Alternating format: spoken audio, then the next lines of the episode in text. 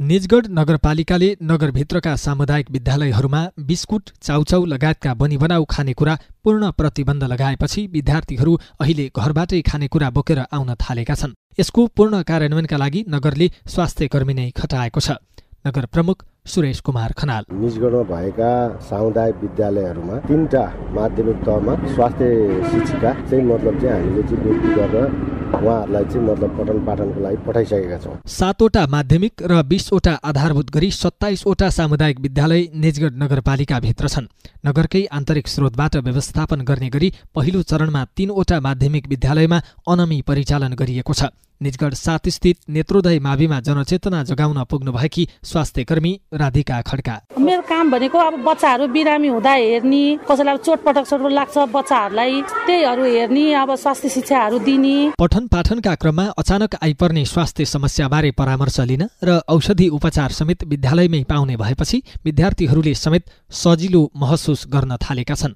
एकजना विद्यार्थी रेणुका विश्वकर्मा। हामी गर्ल्स हो गर्ल्स रिलेटिभ प्रब्लमहरू भइरहन्छ यस्तो हुँदाखेरि भन्नलाई अप्ठ्यारो हुँदैन अनि पढ्दा पनि टाउकोहरू दुख्ने पेटहरू दुख्ने हुँदाखेरि उहाँलाई गएर भन्दा यस्तो यस्तो भा भने यस्तो यस्तो गर्दा यस्तो यस्तोले भएको भनेर सुझाव दिनुहुन्छ औषधि दिनुहुन्छ अनि खाएर टिफिनमै घर जानु पर्दैन। नगरपालिकाले हाललाई तीन विद्यालयबाट बनी बनाउ खानेकुराको प्रतिबन्ध लगाए पनि बाँकी अरू विद्यालयमा पनि घरायसी खानेकुराको उपयोगलाई जोड दिने तयारी गरेको छ। नगरको शिक्षा शाखा प्रमुख राजु बानिया। हामीले अनुगमन पनि गरिराखेका छौँ र विद्यालयहरूमा जाँदाखेरि अहिले जङ्क फुड चाहिँ अब लगभग लगभग विद्यालयबाट हटिसकेका छ। र हामीले त्यो जङ्क फुड यदि विद्यालयमा प्रयोग गरेको थाहा पाइयो भने विद्यालय चाहिँ व्यवस्थापन समिति र प्रधानध्यापक र शिक्षक साथीहरूलाई चाहिँ पहिलो पटक चाहिँ हामी यो प्रयोग नगरोस् भनेर अनुरोध गरिराखेका छौँ। र यदि दोस्रो पटकको पनि अनुगमनमा त्यो कुराहरू चाहिँ फेला पारियो भने हामीले विद्यालयलाई दिवा कार्यक्रम निकास नदिने र अन्य प्रक्रियाहरूको निकासा पनि हामीले रोक्नुपर्ने स्थिति आउँछ।